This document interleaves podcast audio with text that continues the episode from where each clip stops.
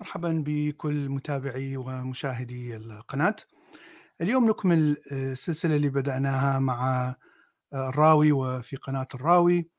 ونكمل اليوم موضوع كيف تكون كوكب الأرض وكيف ظهرت الخلية الحية الأولى أو ما هي الخطوات أو الخطوات الافتراضية التي أدت إلى ظهور الخلية الحية الأولى.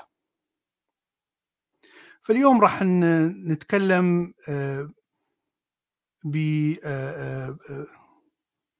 يعني موضوعين. موضوع الأول هو تكون الأرض والموضوع الثاني هو نشوء الخلية الحية الأولى. في البداية يعني إحنا نشوف المجموعة الشمسية الآن بوجود الشمس وطبعا والكواكب وكل كوكب له خصائص معينة و سواء كان صخري أو غازي وبحجم معين ومدار معين وهناك أقمار حوله إلى آخره. فهناك يعني كل الافتراضات أو النظريات العلمية التي يعني تفسر نشوء الكواكب هو يجب أن تفسر ما نراه الآن في المجموعة الشمسية في البداية نقول أن حتى نفسر طبعا نشوء الكواكب يجب أن نفسر كيف يعني تتكون الشمس أو النجوم. وهذا نراها يعني بكثرة طبعا من من التلسكوبات بوجود ملايين من النجوم أو بلايين من النجوم في كل مجرة ووجود أيضا ملايين من المجرات. فمن السهولة أن نرى يعني تكون النجوم في عدة المراحل من المراحل البدائية إلى المراحل النهائية يعني من خلال صور التلسكوبات. الشيء الذي يعني وصلنا إليه كنظرية مثبتة هي عندما ينفجر نجم معين هذا النجم يعني اعتمادا على حجم هذا النجم فإذا كان حجمه كبير فسيكون كثير من أو سيحتوي على كثير من المواد أو الفلزات داخله فعندما ينفجر كل هذه المواد ستنتشر بشكل غيمة تحتوي على كل هذه المواد أو أو بشكل غازات. فالغازات المعروفة هي طبعا أكبر غاز منتشر في الكون هو الهيدروجين ولكننا نرى أيضا طبعا الهيليوم الذي يأتي يتكون من الهيدروجين داخل هذه النجوم ومن ثم يتكون كربون أكسجين حديد. فهناك عدة مواد تتكون داخل النجم قبل أن ينفجر. وهذه المواد نراها في في كل هذه الغيوم أو ما يسمى بنبيولا الشيء المهم أن حتى نقول أن هذه المواد أتت من انفجار النجوم لكن كيف تكون أول نجم؟ الذي يعني لم يكن هناك غيوم أتت من الانفجار. فأول نجم تكون فقط من غاز الهيدروجين لأنه يعني بعد الانفجار العظيم كان هناك فقط غاز هيدروجين. أعتقد ربما يكون هناك هيليوم لكن بنسبة أقل بكثير. فالنجم عادة يعني يستعمل الهيدروجين كطاقة وفي اندماج ذرتين هيدروجين ويحولها إلى ذرة هيليوم. فأول نجم انفجر هو بدأ فقط من الهيدروجين ومن ثم يعني بدأ ينقل كل هذه المواد التي صنعت داخله إلى هذه الغيمة التي نراها طبعا أو النبيولا التي نراها في الكون. الآن هذه النبيولا وهذه الصور اللي نشوفها هناك دائما الصور هذه اللي نشوفها هي فعليا بدأ نجم يتكون من هذه الغيمة وهذا ما نراه المنطقة السوداء اللي في في الوسط مع أنها مغطاة بغبار كوني لكن هذه المنطقة هي المنطقة التي بدأ منها النجم يتكون. فلدينا صور أفضل بكثير يعني الآن خاصة مع تلسكوبات جديدة وهذه الصور تعطي عندما تتكون النجوم الحديثة حديثة التكوين تشوف الغيمة تشكل مثل أقراص هناك أقراص داخل هذه الغيمة وفيها طبعا كل قرص فيه ثغرات فهذه الفكرة التي أعطت أن كل هذه الثغرات هي فعليا كوكب يتكون في في مدار القرص حول النجم. وبشكل عام كل ما تكون كتلة الغازات الموجودة التي كونت النجم كبيرة طبعا سيكون النجم آه، حجمه كبير آه، آه، عفوا كتلته كبيرة والكواكب المتكونة من الغازات تكون أيضا بكتلة بكتلة أكبر. الدراسات أيضا رأت أو من الإرصادات رأت أن هذه الغيمة أو الغازات تختفي خلال بضع ملايين من السنين عند عندما يتكون النجم بمعنى أن الكواكب وبالذات الكواكب الغازية يجب أن تنشأ خلال هذه الفترة أو تنشأ خلال هذه الفترة فقط ولا تحتاج إلى يعني فترة أطول.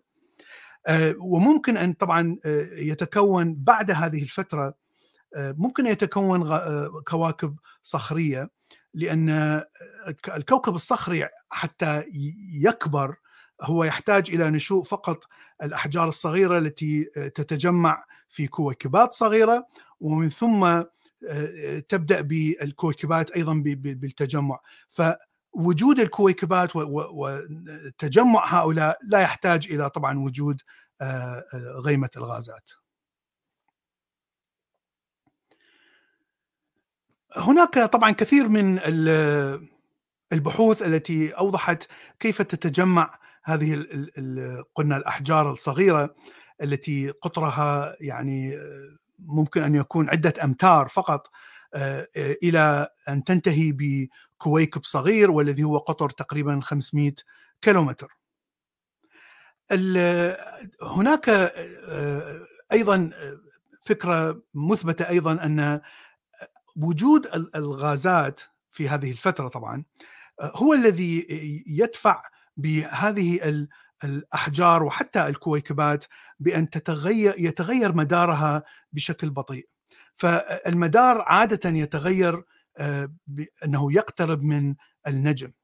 بمعنى أن كل هذه الأحجار والكويكبات آه، عادة آه، مدارها لا يكون ثابت ولهذا عندما تتغير مدارها فطبعا يكون احتمال اصطدامها بعضها ببعض يكون احتمال كبير جدا وهذا فعليا يعني ما يحدث عندما يتكون الكوكب ولهذا عندما يعني مهما كانت مدارات هذه الكويكبات أو الأحجار كبيرة تشوفها كلها تتجمع في في المنتج النهائي في كوكب وطبعا تشوف بعدها فراغ كبير بينه وبين الكوكب الآخر.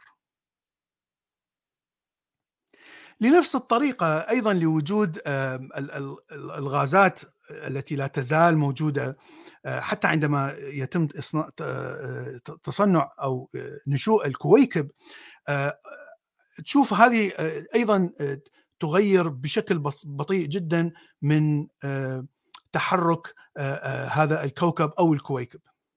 فهنا نرى أن وهذه بعد أن حصلنا على عينات مثلا من القمر اكتشفنا أن القمر يحتوي على يعني ما يسمى بنظائر الأكسجين تختلف عن نظائر الأكسجين الموجودة في في الأرض.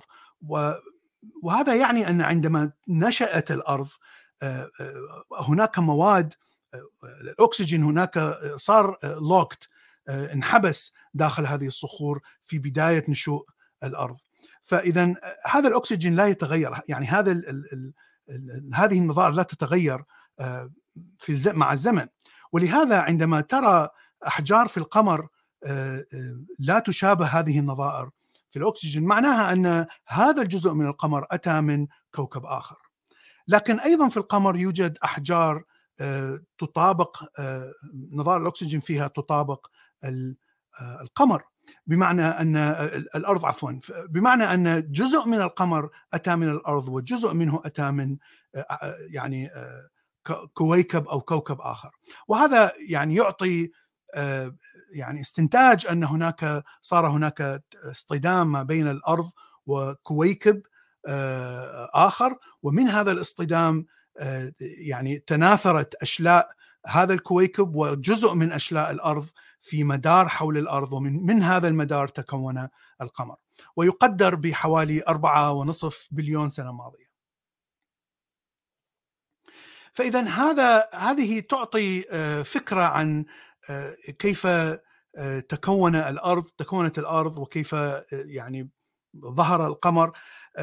لكن طبعا في ذلك الوقت كانت كان جو الأرض مختلف تماما عن ما هو اليوم. كان هناك نسبة عالية من ثاني أكسيد الكربون مثلا. الأكسجين كان أقل بكثير مما هو الآن لكنه موجود. وأنا تكلمنا عن كيف تغيرت نسبة الأكسجين في الفيديو في أحد الفيديوهات التي تكلمت عن نشوء الحياة وتطور الحياة. إذا ما هي الحياة التي ظهرت بعد تقريبا نصف مليون سنة نصف بليون سنة عفوا 500 مليون سنة من نشوء الأرض. لأن هذه الحياة يعني نراها في في حفريات مع أنه يعني تحديد تاريخ الحفرية صعب شوية لأنه لبعد الزمن لكن التقدير هو ما بين أربعة ونصف إلى 3.7 بليون سنة كتقدير. لكن نعرف أنها ظهرت يعني بشكل سريع نسبيا 500 مليون سنة يعني فترة سريعة بالنسبة لتكون يعني شيء معقد مثل الخلية الحية. خلينا نعرف ما هي الحياة آه، في البداية حتى على أساس هذا التعريف آه، نستطيع ان نشرح التجارب التي حاولت أن يعني تفهم أو تثبت آه، كيف ظهر هذا ال system أو النظام البيولوجي. الحياة بشكل عام هو أي نظام يقاوم زيادة الأنتروبي بمعنى يقاوم انتقال الحرارة من. هذا النظام آه، إلى الخارج آه، أو آه، يعني توازن الحرارة بينه وبين الخارج حتى لا تصير متوازنة بشكل تام لكنه يحاول أن يحتفظ بهذه الحرارة. طبعا الحرارة بمعنى تكون حرارة حرة أو طاقة حرة. هناك فرق بين الطاقة الحرة والطاقة الغير مفيدة. عادة الحرارة هي طاقة غير مفيدة خاصة عندما تظهر عندما تنبعث وتذهب إلى الجو فتكون طاقة غير مفيدة. لا أحد يستطيع أن يستفاد من من هذه الطاقة الحرارية. آه، لكن الخلية تستعمل آه، آه، طاقة مفيدة مثل ضوء الشمس مثلا والطاقة الموجودة من العناصر الكيميائية التي تجمع ما بين أواصر العناصر الكيميائية هي فعليا طاقة داخل هذه الأواصر والخلية يعني تستعمل هذه الطاقة أو تحرر هذه الطاقة من من الأواصر الكيميائية آه، فتعتبر طاقة مفيدة. التعريف يعني نقول التعريف الثاني أو الآخر آه، والذي آه، يكمل التعريف الأول هو الحياة هي نظام يستطيع نسخ نفسه ولديه قدرة على مقاومة الظروف الخارجية بحيث إذا تغير الظرف الخارجي يستطيع أن يغير من آه، الاستجابة للظروف ويستطيع أن يتحمل نقص الغذاء، زيادة حرارة، زيادة ضغط، هبوط حرارة إلى آخره بحيث يستطيع أن أن يقاوم الأنتروبي. هذه الميكانيكية هي تأتي من ال DNA أو الشفرة الوراثية. وتأتي أيضا من خلال ميكانيكية التطور الدارويني لأن ال DNA يتغير باستمرار ولهذا يستطيع أن يستعمل هذه التغيرات التي تحصل في نسخ ال DNA لفائدة هذا ال system. الخلايا الحية طبعا كل الخلايا الحية تنتج كما ذكرنا تنتج هذه الطاقة من العمليات الحيوية باستخدام كما ذكرنا الضوء والعناصر وهذه الطاقة تخزنها في جزيء اسمه ATP هذا الجزيء هو فعليا الشيء الأساسي الذي يعني يعني يخلي هذه الكائنات مستمرة تستطيع أن تستمر بالحياة لأنها تخزن الطاقة بشكل مستمر وعندما يشح الطعام لفترة معينة تستطيع أن تستخدم هذه الطاقة المتخزنة في حرقها ويعني استمرار العمليات التفاعلات الكيميائية والعمليات الحيوية. وهذا هو يعني السر العظيم الذي آه، يجب أن نعرف كيف آه، نشأت هذه الميكانيكية التي أتاحت للخلية آه، صنع هذا الجزيء جزيء ATP. أيضا الملاحظ أن الجزيء ATP ليس شيء معقد جدا كيميائيا ويمكن تصنيعه بوجود الماء ووجود الحديد وأسيتيل الفوسفات آه، والتي هي ليست يعني آه، شحيحة مثلا في الأرض، الحديد متوفر آه، خاصة في أعماق الأرض أو في أرض المحيطات أو في بعض الجبال وأيضا الفوسفات المذاب بالماء وحتى في في الصخور أيضا موجود ومتوفر. فتكوين ال ATP ليس شيء معقد أو صعب جدا.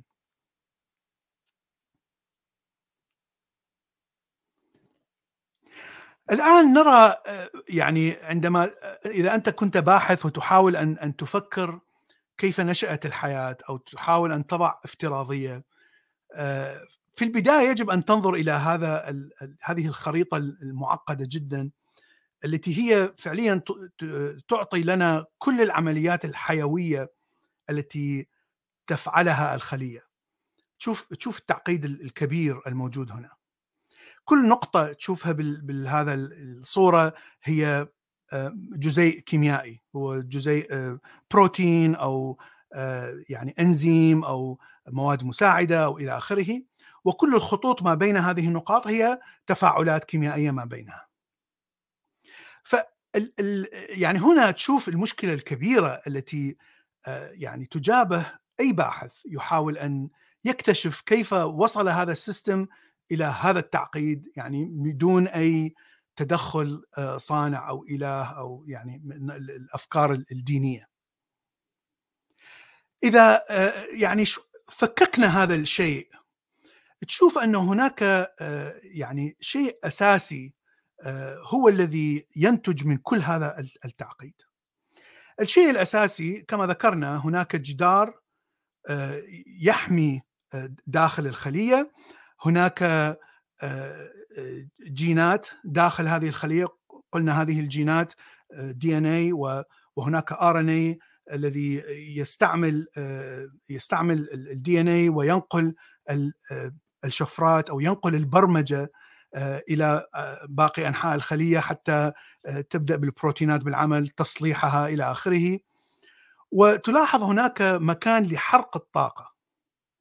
طبعا كما ذكرنا حرق الطاقة هو هو المحرك الأساسي للخلية. بدون هذا حرق الطاقة الخلية آه، سوف تفقد كل الأنتروبي وتتوقف كل العمليات الكيميائية حرق الطاقة هنا في اليوكاريوت آه، آه، ولو راح نذكرها بعدين لكن هذا حرق الطاقة موجود في كل الكائنات الحية سواء كان بكتيريا آه، أركيا أو يوكاريوت واللي هي آه، منها الحيوانات والنباتات.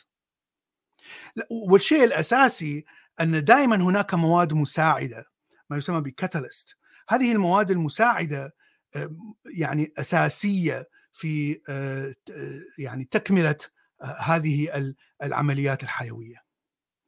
أيضا تشوف هناك دائرة في في هذا التخطيط الكبير باللون أعتقد اللون الأزرق بأسفل المخطط هذه الدائرة تسمى بال Krebs cycle وهذه التفاعلات ما تسمى بال Krebs cycle هي المسؤولة عن أخذ مواد من المحيط وتحويلها إلى يعني صنع ATP والذي يحتوي على الطاقة المخزنة فهذه هي أساس المحرك الأساسي للخلايا. اذا ذكرنا كريب ما هي دائرة كريب؟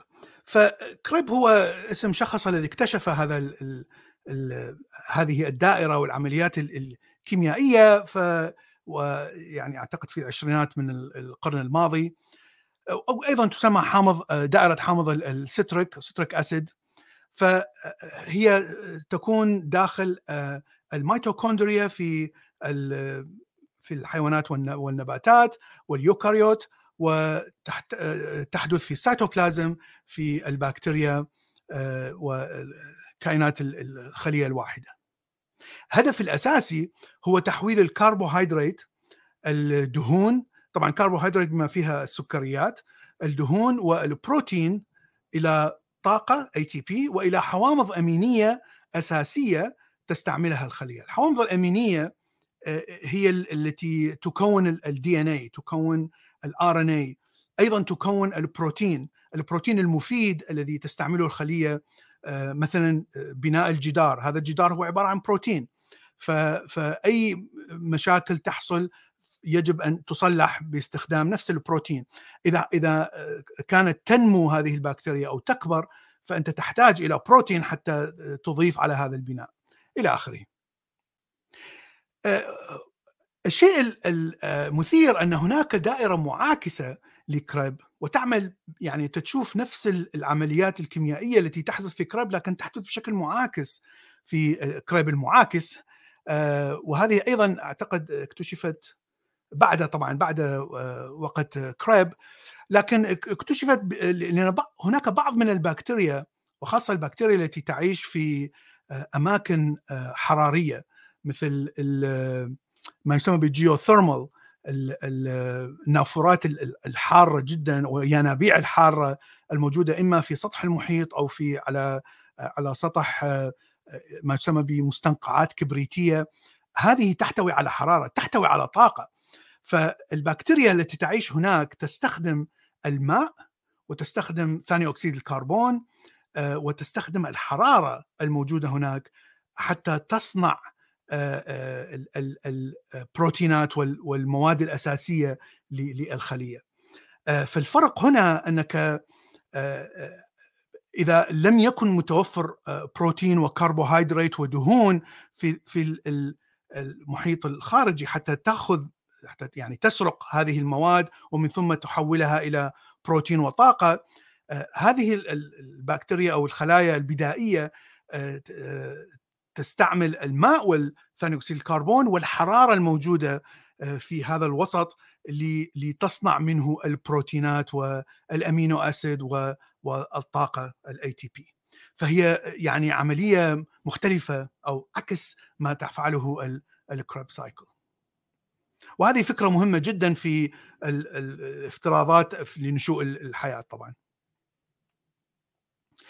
طيب هناك يعني آه، عدة آه، افتراضات.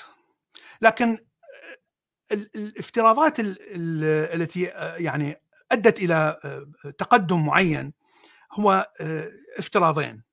الافتراض الأول هو أن الشفرة الوراثية هي التي تكونت اولا اللي هي الار إن اي آه، طبعا راح نتكلم ليش نقول RNA وليس ال DNA هو اللي تكون. آه، لكن بشكل يعني منطقي ال RNA هو الذي يحتوي على كل المعلومات التي آه، لازمه لبناء الخلية وانقسام الخلية وتكاثر الخلية وبقاء الخلية أو ال system بشكل مستمر. فإذا يعني فسرنا بطريقة معينة واستطعنا أن نصنع RNA في المختبر هذا كل ما نحتاجه ال RNA هو هو الجزيء السحري الذي يستطيع أن يحل هذا اللغز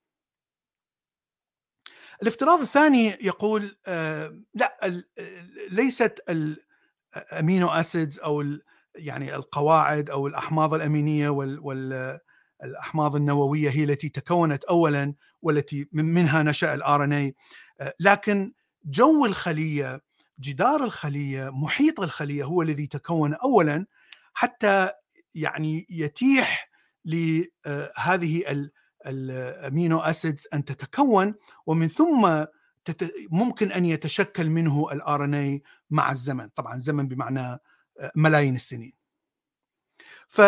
فهنا يعني يعني قد قد تتشارك هذه الافتراضيتين في أشياء معينة لكنها تختلف في في هذا في هذه الفكرة. طبعا نحن نعرف أن الحياة لا تنبثق بشكل تلقائي. هذه كانت الفكرة القديمة الذي التي وضعها أرسطو والتي استمرت من الفكر البشري يعني إلى تقريبا القرن التاسع عشر.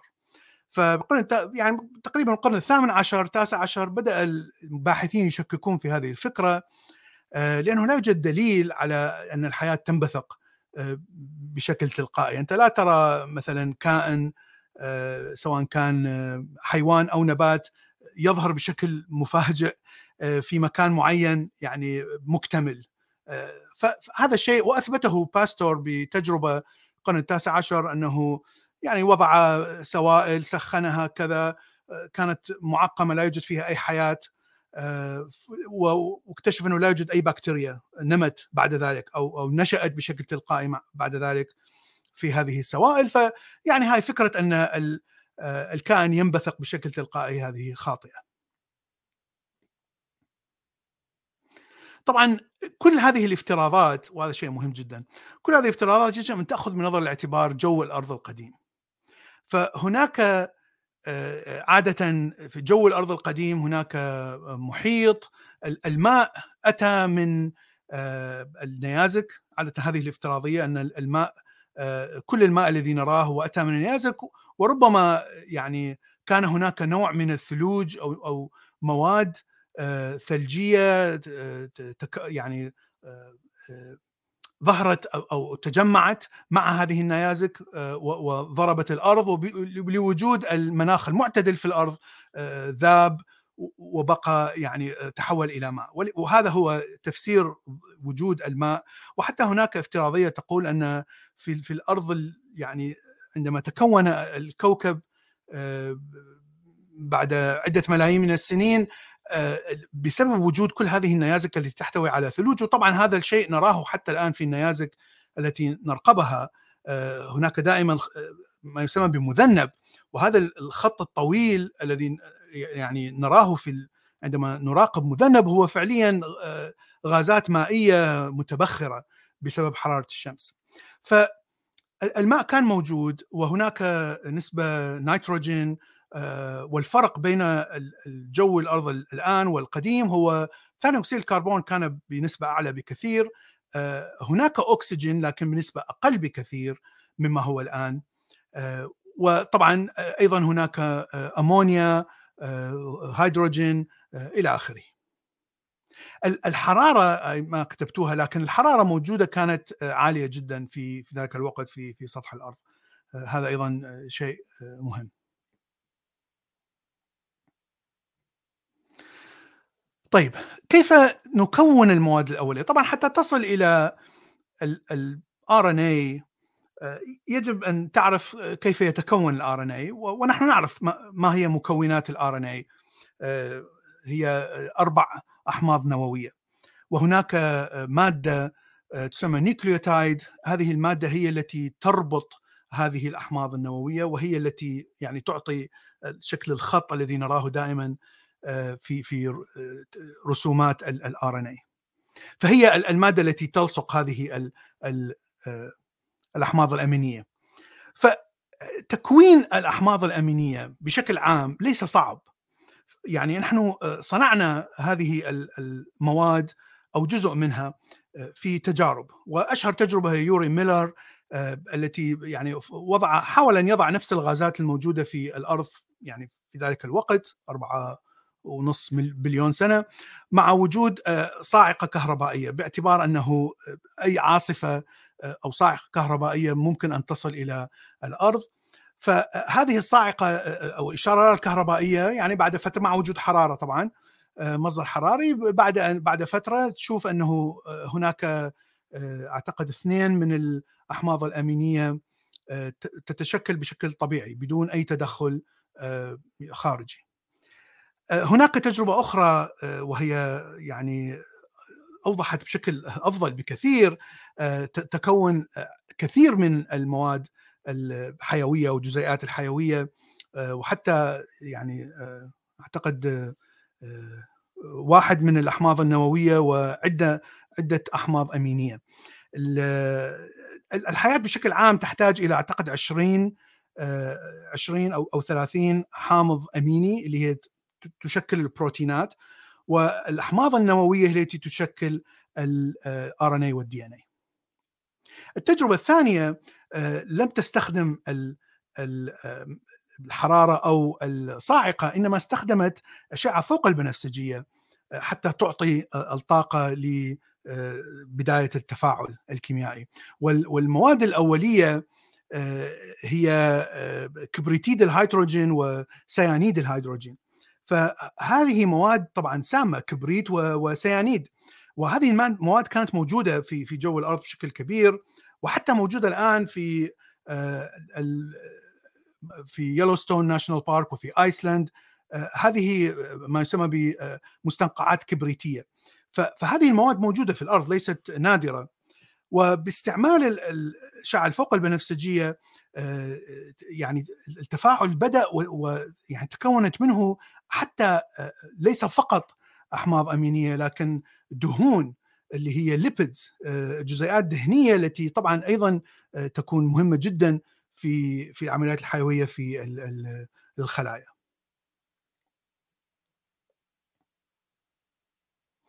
مشكلة كل هذه التجارب أنها لا يعني تأخذ بدقة شديدة فعليا كل المواد الموجودة في جو الأرض يعني كما ذكرنا الأكسجين كان موجود لكنه ليس يعني موجود بشكل كبير طبعا الأكسجين هو مادة تتفاعل بسرعة مع مع أي عنصر ولهذا يعتبر ال ال يعني هو يحرق مادة ما يسمى بالاكسدايزيشن أو الاكسجنه هي فعليا احتراق. فوجود الأكسجين يعني يؤثر بشكل كبير على هذه التجارب ويغير من من النتيجة. لكن بشكل عام نحن نعرف أن هذه المواد الأولية ممكن أن تتكون في ظروف معينة. يعني ليست مستحيلة التكون. الشيء الآخر أن آه، هناك عدة أحماض أمينية أيضا اكتشفت في النيازك. وهذا يعطي آه، يعني بعد جميل أن آه، هذه المواد ليست نادرة في الكون. هي تتكون بشكل طبيعي في يعني في كل مكان. نحن لا نقول أنها يعني هذا يعني أن الحياة تتكون بشكل طبيعي طبعا لا طبعا لكن فقط أن هذه المواد الأساسية للحياة تتكون بشكل طبيعي. السبب يعني هناك يعني سبب كيميائي آه، منطقي لهذا الكلام أن عنصر الكربون يعني يتحد بشكل سريع آه، مع كثير من العناصر الأخرى يعني بشكل طبعا بشكل خاص هيدروجين كربون آه، والنيتروجين وممكن وهذا الاتحاد ممكن أن يكون معقد يعني يشكل جزيء وعنصر معقد وسلسلة طويلة من العناصر المتشابكة مع بعضها. آه، قليل جدا من العناصر الكيميائية التي لديها هذه القدرة. العنصر الذي يقترب منه هو السيليكون. آه، لكن السيليكون ليس لا يكون جزيئات بتعقيد الهيدروجين. ولهذا نرى أن هذه يعني هذه المواد موجودة في الطبيعة موجودة في الكون آه، تنشأ بظروف سهلة التصنيع ومنه نستنتج يعني ولهذا أن الحياة آه، تستخدم هذه الجزيئات هي جزيئات أساسها الكربون يعني لأن الكربون لديه قدرة على صنع جزيئات معقدة جدا.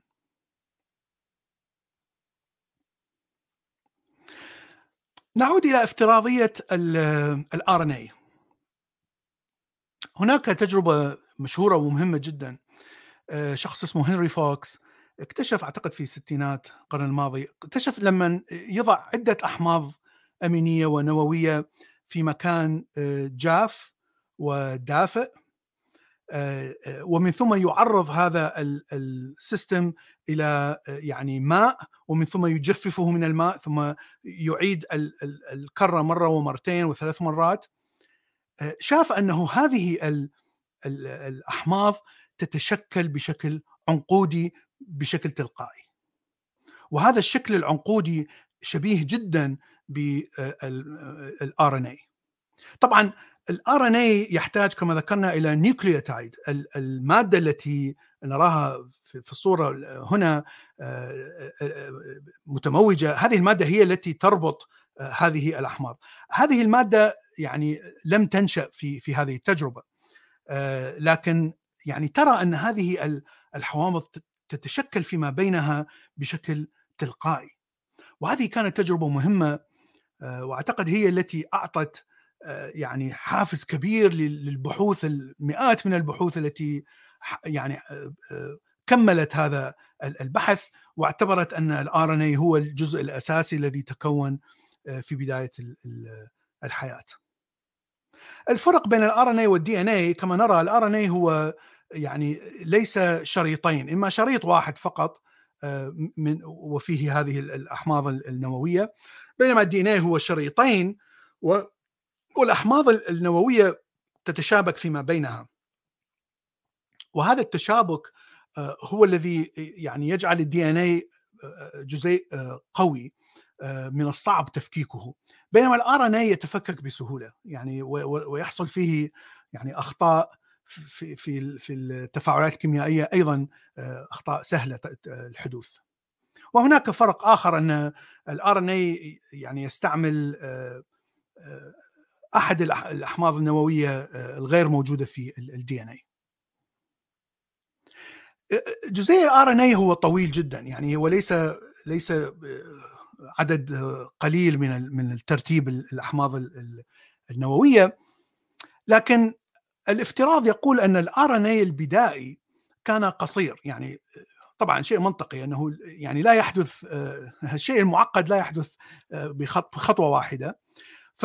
فكان أقصر من من الموجود الآن ونتج من وجود حقبات من الجفاف والفيضان في المستنقعات الصغيرة طبعا وهذا يشابه التجربة التي فعلها هنري فوكس آه، لتعرض الماء ومن ثم الجفاف والماء والجفاف لأن هذا هو ما ما يبين أنه يشكل آه، هذه الجزيئات آه، بشكل سلسلة مشابهة لل RNA.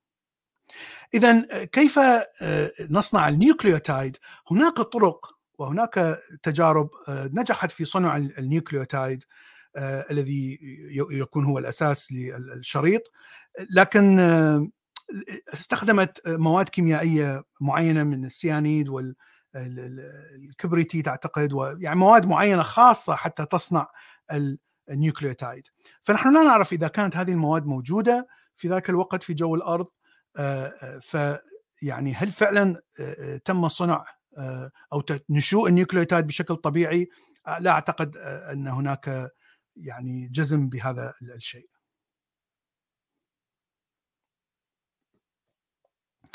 ننتقل إلى الفكرة الأخرى وهي أيضا تحاول تفسير نشوء الحياة من من خط آخر مختلف تماما. وهذا الخط هو نشوء الخلية الحية أو نشوء ما يسمى بال protocell شيء بدائي يشبه الخلية الحية. آه، يشكل جدار أو حويصلة آه، تشبه الخلية طبعا. ويعني آه، يحاول أن يمنع تفكك الأشياء التي تحدث داخل الخلية عن الخارج. بمعنى تشكل حويصلات تقاوم الأنتروبي. وهذا مهم جدا جدا في آه، في خط البحث آه، آه، هذا. الشيء الذي بدأ هذه هذه البحوث هو أعتقد شخص تنبأ بوجود system من هذا النوع شخص في الستينات لم لم أضع اسمه هنا لكن تنبأ بوجود هذه ال system في الطبيعة وهو شخص كيميائي ليس ليس بيولوجي لكن فعليا عندما اكتشفت هذه الأشياء في المحيط وهي موجودة على فتحات لمياه آه، تحتوي على غازات وتكون حارة تكون آه، يعني آتية من من جوف الأرض. وهذا آه، اكتشف فعليا أعتقد في في السبعينات والثمانينات وهنا صورة الباحثة التي اكتشفته. وهذه المواد التي نراها هي تشبه الإسفنج وإذا تشوف مقطع من من هذه المادة الإسفنجية.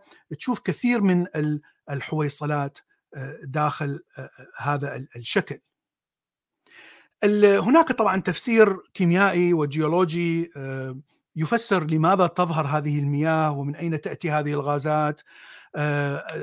الشيء المهم أن هذا هذه هي صخور تسمى صخور السربنتاين. بالعربي شفت بس فقط صخر الحية. لأنه سربنتاين هو هو أفعى أو حية. لكن سربنتاين ليس له علاقة بالحية إنما هو يحتوي على مواد كيميائية كثيرة لكن هذه المواد تعتبر سامة للحياه ليست يعني كبريت وسلفر و شو اسمه سيانيد وإلى آخره. ف لكننا نعرف بالضبط ما هي المواد الكيميائية التي تظهر في هذه الفتحات مع الماء. الشيء المهم أننا نعرف أن هناك ثاني أكسيد الكربون بشكل غزير هناك غاز الأكسجين المؤين بشكل كبير طبعا والحموضة تكون أعلى بكثير مما الحموضه عليه اليوم. الحموضه عليه اليوم هي بين خمسة إلى ستة في في هذه المكانات اللي اكتشفناها. طبعا هي حموضة عالية جدا تقارنها بحامضية الماء هي واحد لكن الحامضية هنا لسبب وجود نسبة عالية من ثاني أكسيد الكربون الذي هو الذي يعني يصنع هذه الحموضية. أيضا في الأرض القديمة طبعا يعني الافتراض يكون أن هناك حموضة أكبر بكثير من الحموضة الانيه قد تصل إلى ثمانية أو تسعة أو حتى 12 في الأرض القديمة. أيضا نسبة الأكسجين أقل بكثير مما هو عليه الآن فهذا أيضا شيء مهم حتى نعرف أن الأكسجين يعني لا يلعب دور كبير مثل ما يلعبه طبعا الآن. الشيء الآخر أن الماء الذي يخرج يحتوي على مواد قلوية، مواد قاعدية وليست حامضية. ال environment يعني الظروف حول هذا المكان هو كله حامضي لوجود ثاني أكسيد الكربون، لكن الماء الذي يخرج من هذه الفتحات هو مادة قاعدية وليست حامضية. فهنا يعني هناك يعني مثل تناقض ما بين ال ال هذا الموجود في داخل هذا السيستم. وهنا تأتي المقارنة ما بين الحويصلات التي تكونت من من خلال من خلال الزمن وبين الخلية الحية. فترى أن هذه الحويصلات تحتوي على جدار وهذا الجدار يعني افترض أنه تكون من أيونات الكبريت. الحويصلة الماء الخارجي هو ماء حامضي بينما الداخل هو ماء قاعدي. وهذا الشيء يعني مشابه تماما للخلية الحية اليوم. الخلية الحية عادة طبعا الخلايا الحية التي تعيش في بحيرات الكبريت. أيضا تكون داخل الخلية يكون قاعدي وطبعا خارج الخليه لوجود الكبريت والسيانيد وكل هذه الأشياء تكون حامضية. أيضا هناك أيونات أو بروتونات من الهيدروجين آه، تشوفها آه، آه، تدخل إلى إلى هذه الحويصلة أو حتى تخرج من هذه الحويصلة بطريقه كيميائية معينة. نفس هذه الطريقة الكيميائية أو أو أو, أو طريقة كيمياء متشابهة تماما تشوفها موجودة عند الخلية الحية. أيضا هي تفقد الايون أو بروتون هيدروجين أو تكتسب بروتون هيدروجين. فهناك تشابه شديد ما بين هؤلاء. طبعا الفرق أن الخلية الحية تحتوي على دي ان اي وتحتوي على يعني كل هذه الأشياء الأخرى التي طبعا حويصله هذه غير موجودة فيها.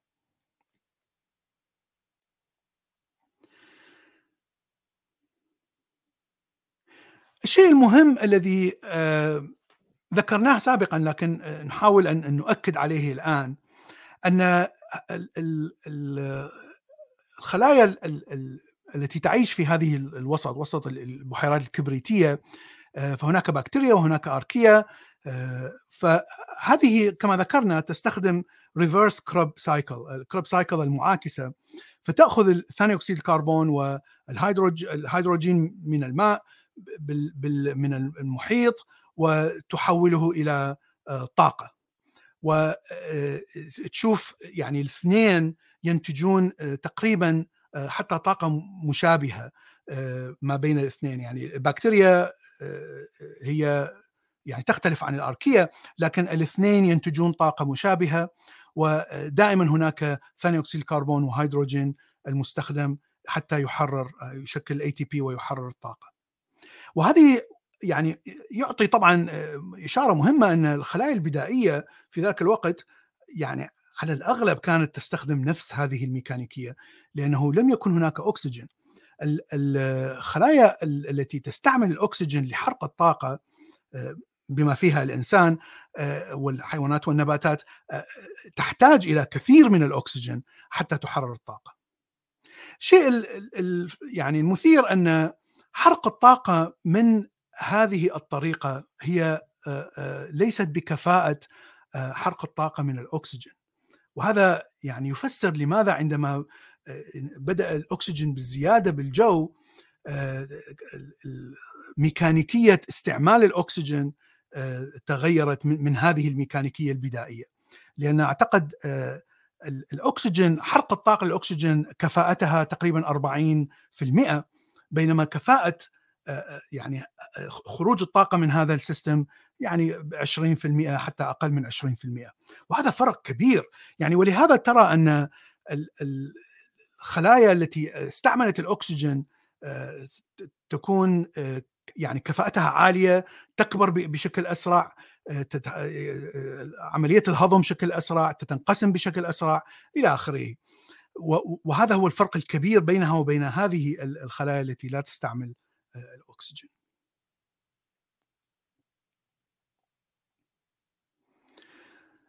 اذا في النهاية الافتراضية تقول أن إذا إذا نعود بال بال هذه الفكرة أنه تشوف أن باستعمال ثاني أكسيد الكربون والماء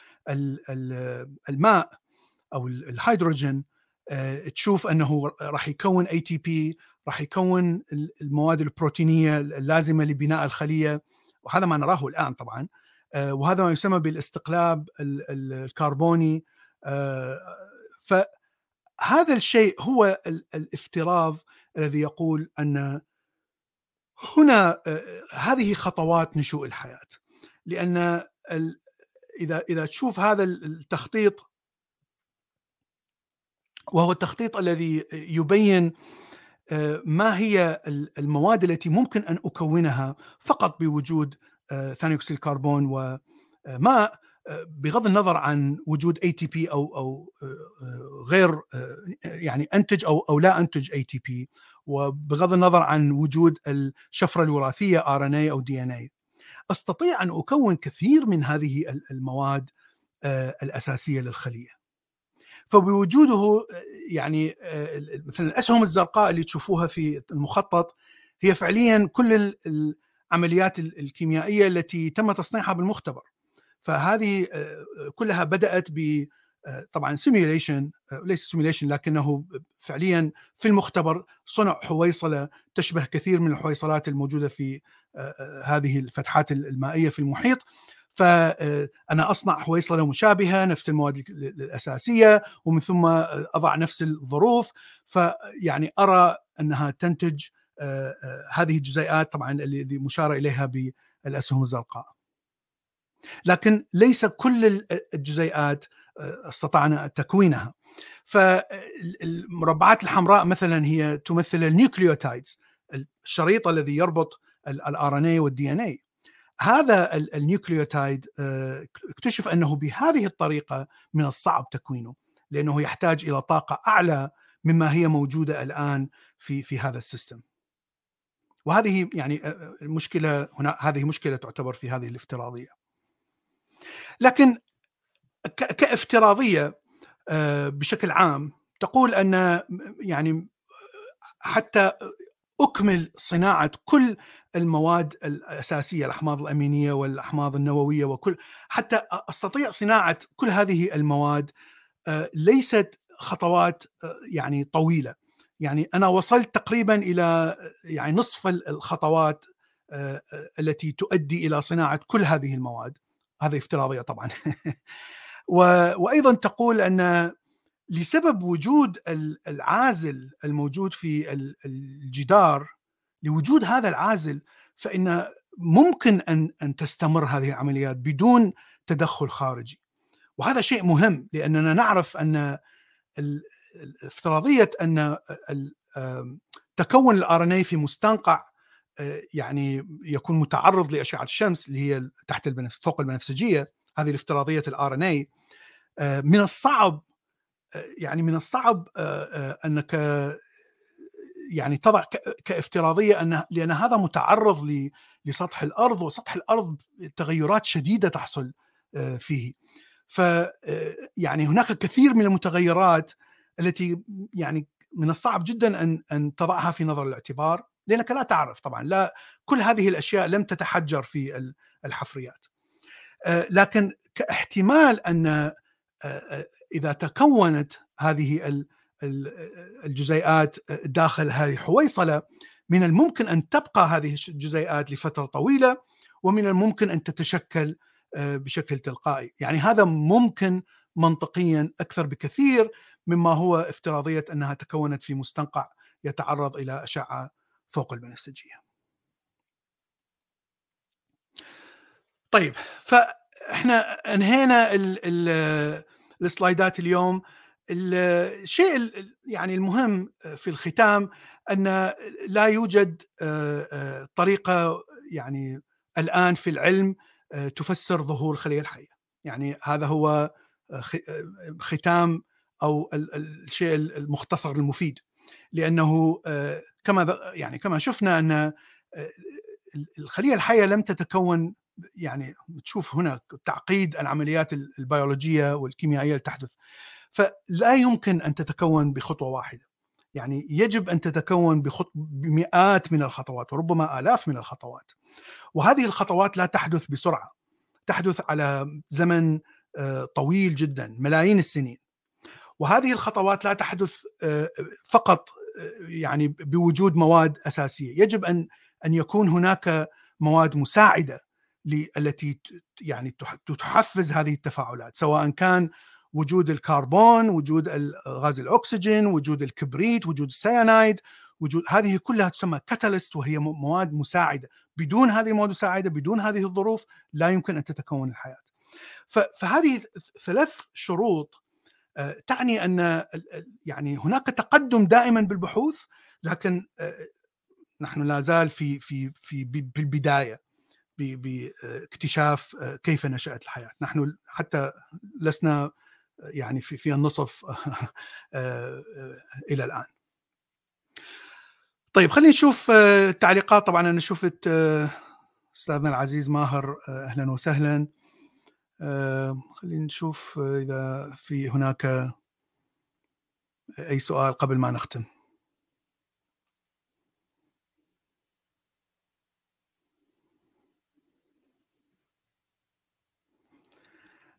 هل ال RNA يسبب تشوه الجنين؟ نعم.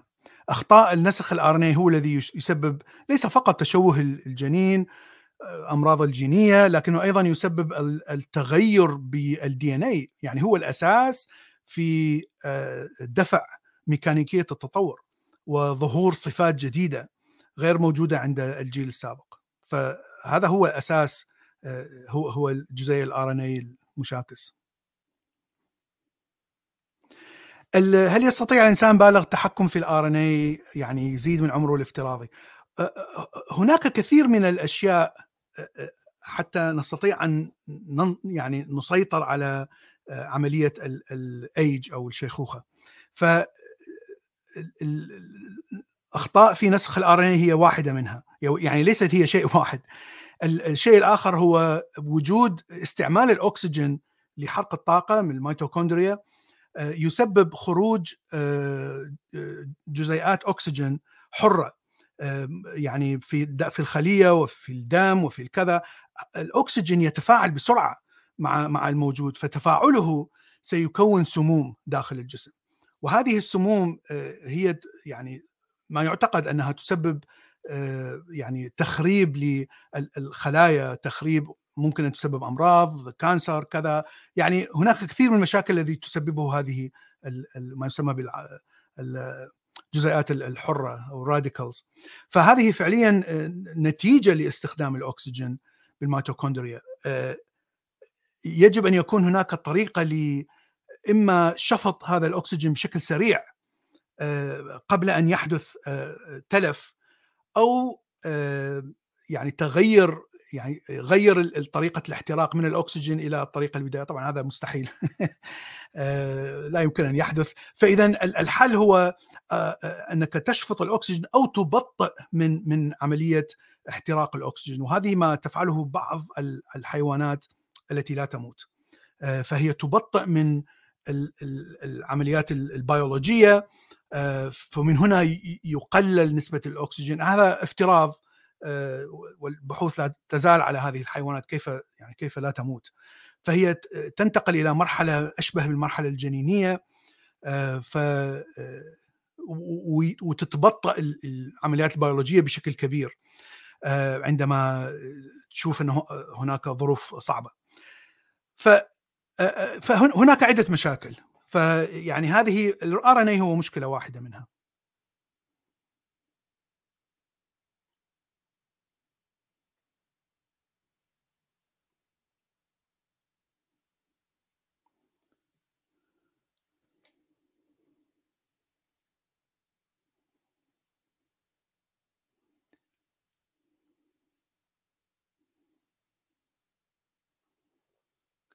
إيه فالخلايا البدائية هي التي كانت تستعمل أكسيد الكربون إلى أن ظهرت ال stromatolite التي أطلقت الأكسجين وقتلت معظم الخلايا الكربونية. أنا طبعا صحيح أن البدائية كانت تستخدم كما ذكرنا ما تسمى بالسيانوبكتيريا ما أعرف إذا هاي stromatolite آه، أنا أتذكر قريت عليها سابقا آه، لكن لا أعرف آه، لا أستطيع أن أقول هذا صحيح أو لا لكن أعرف أن الخلايا البدائية البكتيريا التي استعملت الأكسجين آه، آه، هي التي يعني آه، بدأت تنتشر بشكل كبير وبدأت بفرز أيضا الأكسجين إلى الجو ومنه بدأ يزيد نسبة الأكسجين بدأت تزيد بشكل بطيء خلال بليون سنة.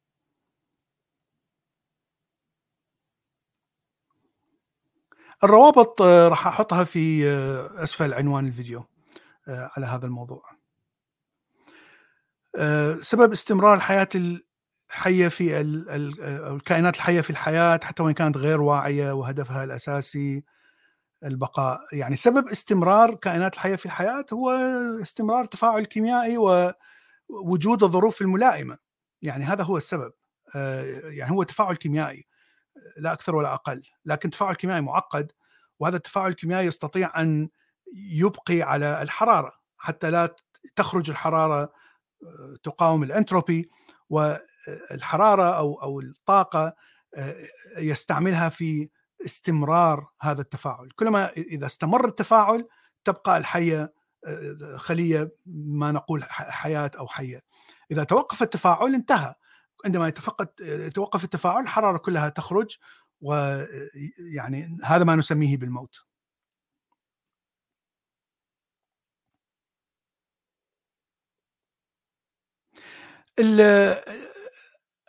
هذه هناك سؤال آخر يعني محاضرة سابقة أن الحياة أو الدي ان اي أتى من خارج الأرض. لأن الخلية تحتاج لعمر أكبر من الأرض للتطور يا ممكن. يعني لا يوجد أي دليل على هذا هذا فقط افتراض. ما نعرف أنه أتى من خارج الأرض كما ذكرت. هي بعض من الأحماض الأمينية. هذه موجودة في شظايا النيازك. لكن كيف تطور أول شريط RNA طبعا ليس دي إن اي دي إن اي يعني شريط معقد أكثر. ومتخصص أكثر. لكن ال RNA وشديد الاواصر ال RNA ممكن أن يتكون ويتحطم.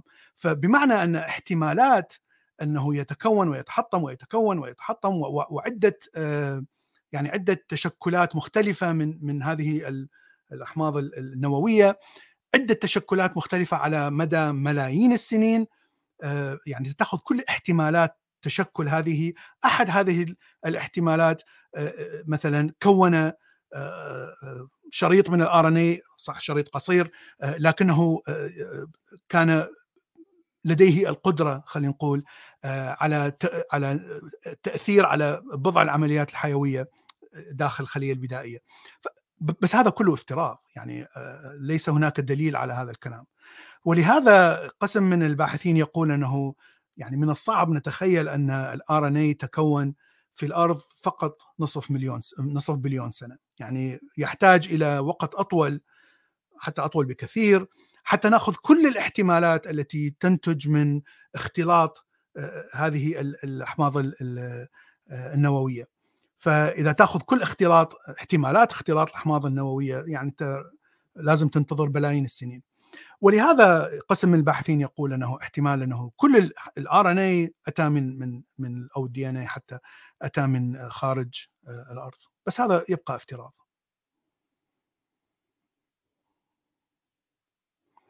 النيتروجين وإبقاء الخلايا الجذعية قيد الحياة في الأجساد الميتة آخر الدراسات. الخلايا تبقى حية لفترة معينة لكنها تموت بعد ذلك لأنها تحتاج إلى الأكسجين في الكائنات الحية بما فيها الإنسان. فالخلايا التي يعني تمنع عنها الأكسجين ستموت لأن الأكسجين هو الذي يحرر الطاقة كما ذكرنا في هاي في في دائرة كريب فإذا إذا منعت الأكسجين عن عن هذه الخلايا ستموت خلال يعني فترة قصيرة. فإذا مات الشخص أو الكائن الحي بمعنى أن دورة الدم ستتوقف بمعنى أن عملية التنفس ستتوقف التي تأخذ الأكسجين ويعني تنقله إلى كريات دم الحمر. بمعنى أن هذه أي خلايا في الجسم كله لن تستلم الأكسجين بعد فترة. اذا ستموت فلا يوجد يعني هذا الشيء لا أعتقد أنه صحيح. قد تبقى لفترة أطول ممكن ممكن آه، لكنها يعني ليست خلايا تستعمل المستنقعات الكبريتية يعني ليست ليست سيانوبكتيريا آه، كل الخلايا في أجسامنا هي تستعمل الاكسجين لا نمتلك خلايا سيانوبكتيريا ولهذا نحتاج إلى الاكسجين طيب أنا يعني أشوف آه، ما في بعد أسئلة فشكرا جزيلا آه، على متابعتكم وتصبحون على ألف خير.